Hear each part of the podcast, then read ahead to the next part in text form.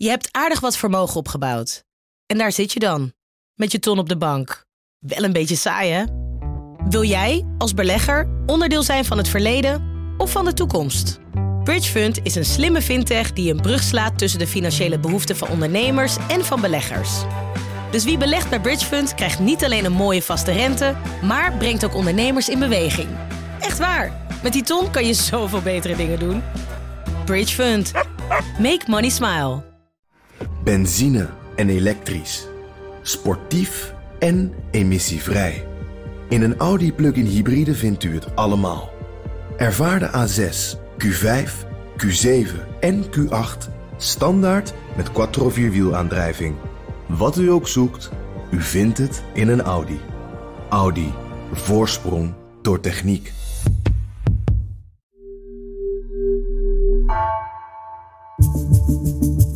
Vanaf de redactie van NRC het verhaal van vandaag. Mijn naam is Floor Boon.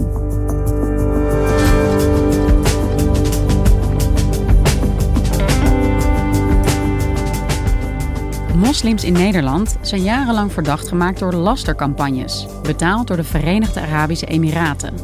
Mensen en organisaties werden actief in verband gebracht met de moslimbroederschap en leden reputatieschade of verloren subsidies, ontdekte onderzoeksjournalist Wilmer Hek. Waarom gebeurde dit?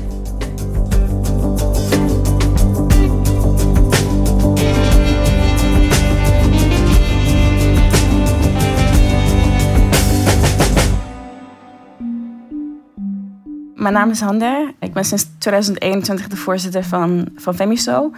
Wat essentieel een netwerk is van uh, moslimjongeren en moslimstudentenorganisaties uit meer dan 20 Europese landen. Hande Taner is een uh, 26-jarige Nederlandse vrouw van Turkse komaf. Zij is de voorzitter van uh, Femiso. Dat is een uh, islamitische jongerenbeweging die onder andere strijdt tegen discriminatie van moslims.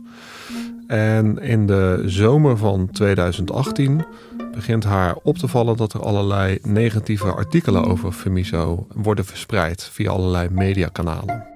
We begonnen ongeveer in 2018 voor het eerst een toename te zien in artikelen en aanvallen tegen ons als organisatie. En voornamelijk door extreemrechtse politici. Dus het kwam echt eerst vanuit, vanuit die hoek. Uh, maar we zagen een stijging, een, een plotseling stijging van één negatief artikel tot tientallen in een paar maanden tijd. Dat Femiso een, een, een, geheime organisatie is, dat we niet zijn wat we zijn, dat we uiteindelijk Europese instellingen willen infiltreren, destabiliseren, niet-Europese waarden verspreiden ja, dat we ja, in het kort een soort van paard van Troje zijn. Dat, dat, dat we niet vertrouwd moeten worden. Omdat het zo plotseling begint en massaal is. En er telkens dezelfde beweringen worden gedaan over Femiso. Bijvoorbeeld dat ze banden zouden hebben met uh, terreurorganisaties. En antisemitisme zouden aanwakkeren. Krijgt Tano op een gegeven moment het idee dat er een gerichte campagne achter zit. Maar ze heeft geen idee uit welke hoek dat dan zou komen. We hadden absoluut geen vermoeden. We wisten wel dat het eerst vanuit extreemrechtse hoek kwam. Maar we wisten niet dat het een groter initiatief was.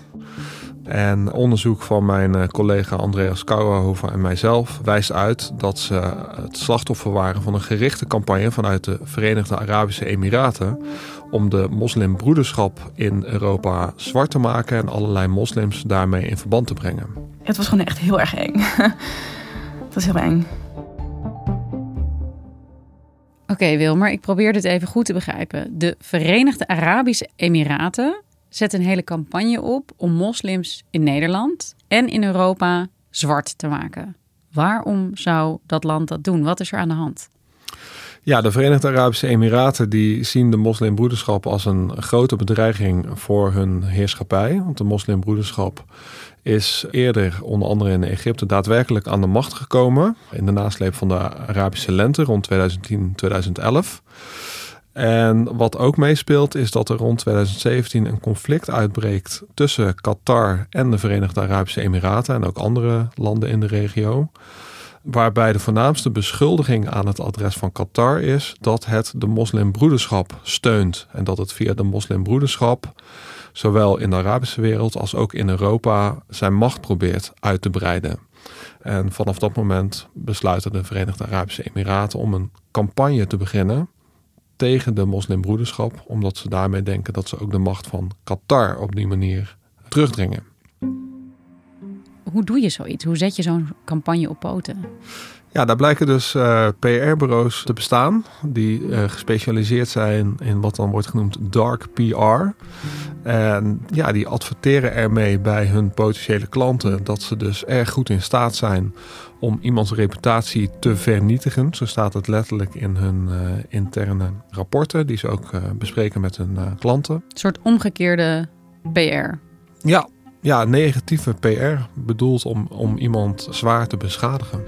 En de Verenigde Arabische Emiraten besluiten hiervoor het Zwitserse bedrijf Elp Services in te huren. Dat is het eh, PR-bureau gespecialiseerd in dark PR van Mario Brero. En hij is een uh, bekende in dat wereldje. Al jarenlang werkt hij met zijn bedrijf voor dubieuze oligarchen, maar ook filmsterren en dergelijke om hun imago op te poetsen en vaak ten koste van allerlei andere personen dat bedrijf krijgt in eerste instantie een half jaar de tijd om uh, te laten zien wat het kan in het uh, vernietigen van de reputatie van allerlei mensen en het beschadigen van de moslimbroederschap. En ja, in de loop van de tijd wordt dat contract steeds verlengd, omdat uh, de Emiraten tevreden zijn over uh, Help Services. En uiteindelijk, volgens de documenten die wij hebben kunnen inzien, betalen de Emiraten 5,7 miljoen euro voor de diensten van het bedrijf. Ja, je hebt het over documenten. Hoe weten jullie dit allemaal?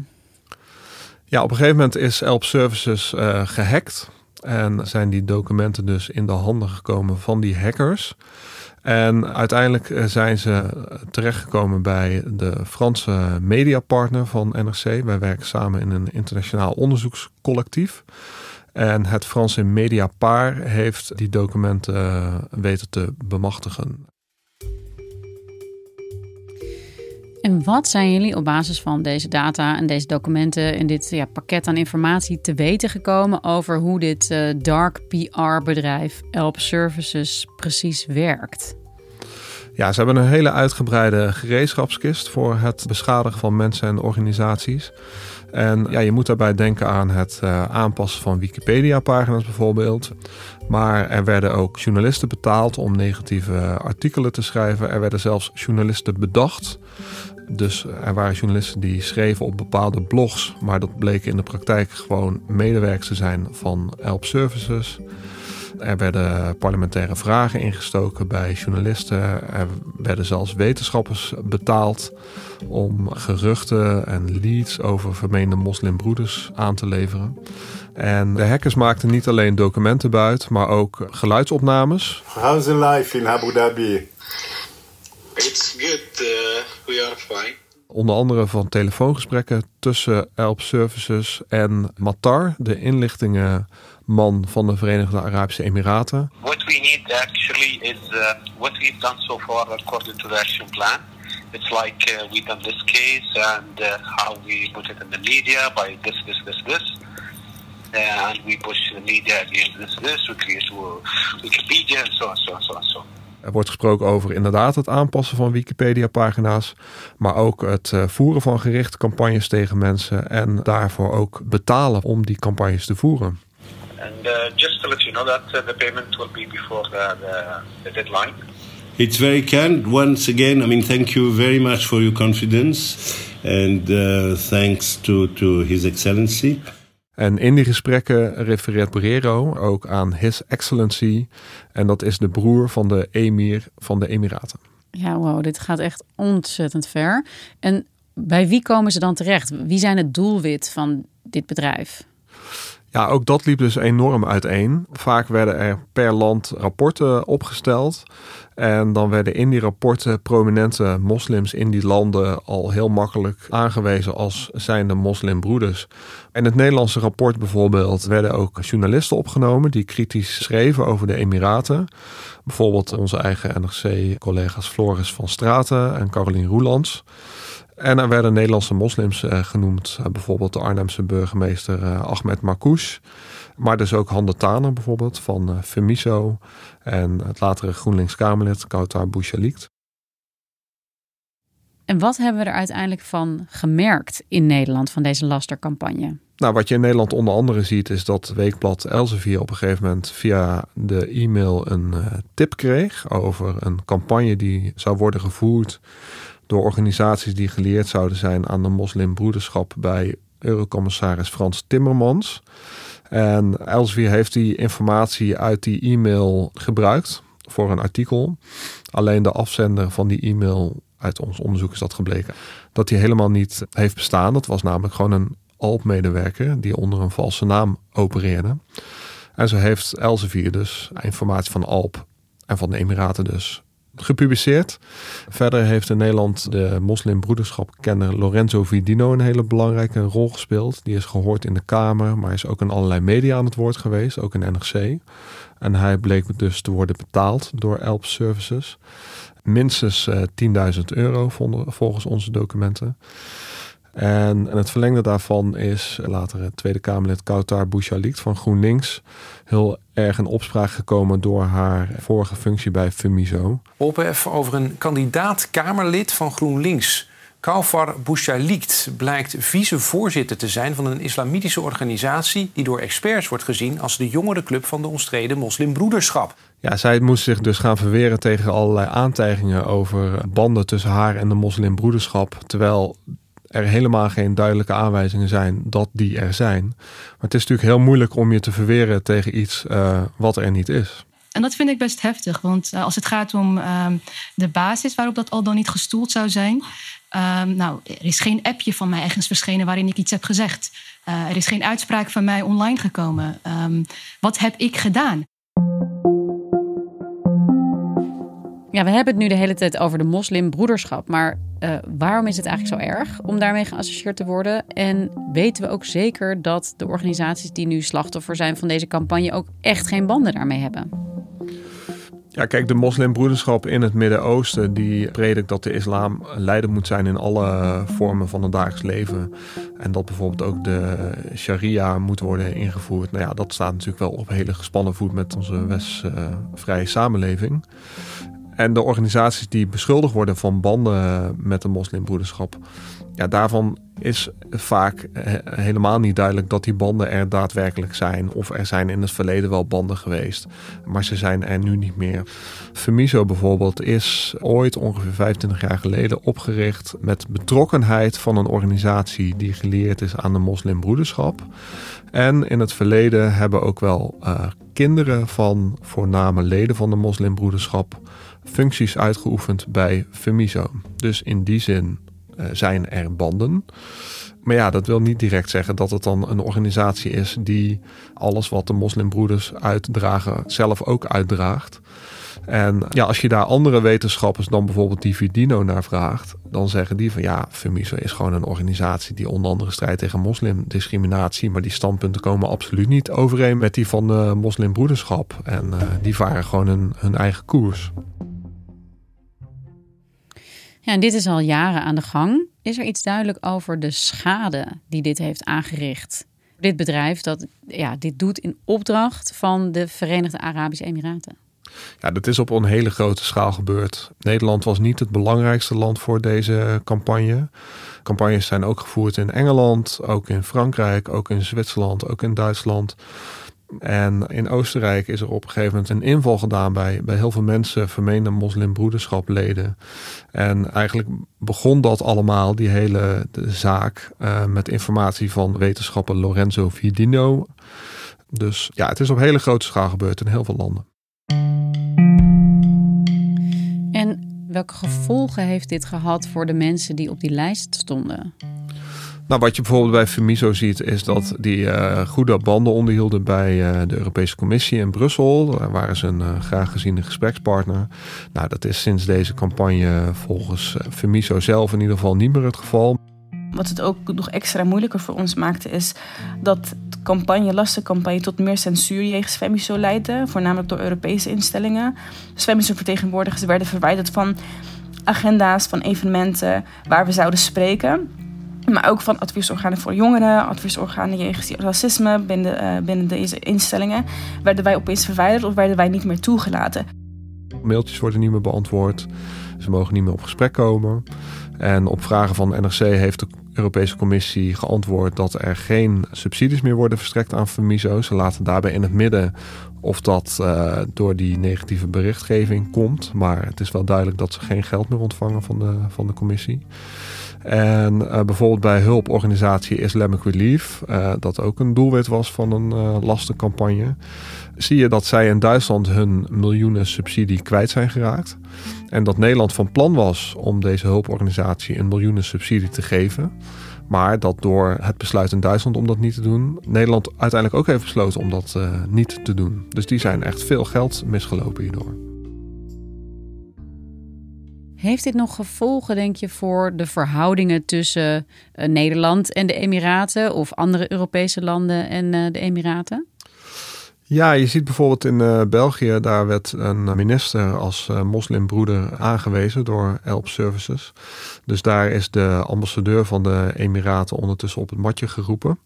Wij gaan in Nederland ook nog vragen bij ministeries of er actie gaat worden ondernomen tegen deze beïnvloedingscampagne, want dat is het natuurlijk. Als dit vanuit Rusland zou komen, dan uh, zou de wereld te klein zijn om het zomaar te noemen. Aan de andere kant denk ik dat bij de Nederlandse overheid bijvoorbeeld ook wel bekend is dat landen dit soort campagnes soms uh, voeren. En we zijn van dit soort landen ook afhankelijk. Niet alleen uh, voor de olie, maar in de toekomst ook voor de waterstof die daar moet worden opgewekt. We verkopen als Westen ook graag heel veel wapens aan dit soort landen. Dus in die zin denk ik dat de verhoudingen niet enorm anders zullen worden. En een organisatie als Femiso, waarmee je begon, hebben zij er nu nog wat aan dat dit nu bekend is geworden door dit onderzoek? En ja, kunnen ze hun reputatie nog een beetje redden hierdoor? Ja, ik denk dat zij er zeker wat aan hebben. Ze kunnen natuurlijk verwijzen naar, naar deze publicatie in NRC, maar ook in allerlei andere Europese media, waaruit dus blijkt dat zij het slachtoffer zijn geworden van deze campagne. Tot nu toe is er nog niets gebeurd en we wachten op een formele sorry eigenlijk tegen Femiso. En we willen ook dat dit in detail wordt onderzocht door de Europese ombudsman. Uh, zodat uh, in detail wordt opgezocht hoe het is en teweeggebracht en hoe de Europese instellingen en welke individuen misschien binnen de instellingen voor dit zijn gevallen. En Wilmer, is er nog een soort les te trekken hè, op basis van jullie onderzoek om ervoor te zorgen dat dit in de toekomst gewoon niet zo makkelijk is voor kwaadwillende bedrijven om zo'n grootschalige lastercampagne op te zetten? Ja, ik denk dat dit weer een goede les is voor ons uh, journalisten. Kijk, als wij wetenschappers aan het woord laten, verbonden aan gerenommeerde universiteiten, dan hebben wij natuurlijk vaak het idee dat we een onafhankelijk iemand uh, laten horen. Maar goed, dat blijkt dus uh, niet altijd het geval. Ik denk dat diverse media daar heel goed over na moeten denken. Want nu kreeg je bijvoorbeeld dat de Telegraaf Kautar Bouchalik van GroenLinks een wolf in schaapskleren noemde. Nou, dat was toch voornamelijk gebaseerd op die informatie. Ja, zo zaten wij natuurlijk zelf ook uh, na te denken toen wij dit dossier in handen kregen. Van in wiens belang is het dat dit nu allemaal naar buiten komt? Nou, dat is wel duidelijk. Het is natuurlijk in het belang van Qatar. Dus dan ga je afwegen van oké, okay, willen wij dat belang dienen? Nee, op zich niet. Maar is deze informatie belangrijk voor het publiek om te weten? Ja, dat wel. Weten we dat er niet voor is betaald? Dat weten we ook. We hebben er niet voor betaald, onze mediapartners ook niet. En klopt de informatie? Nou, dat hebben we uitvoerig gecheckt. En dan maak je uiteindelijk een afweging om het toch te publiceren.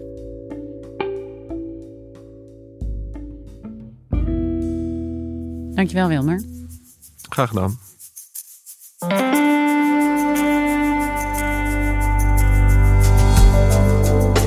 Je luisterde naar vandaag, een podcast van NRC.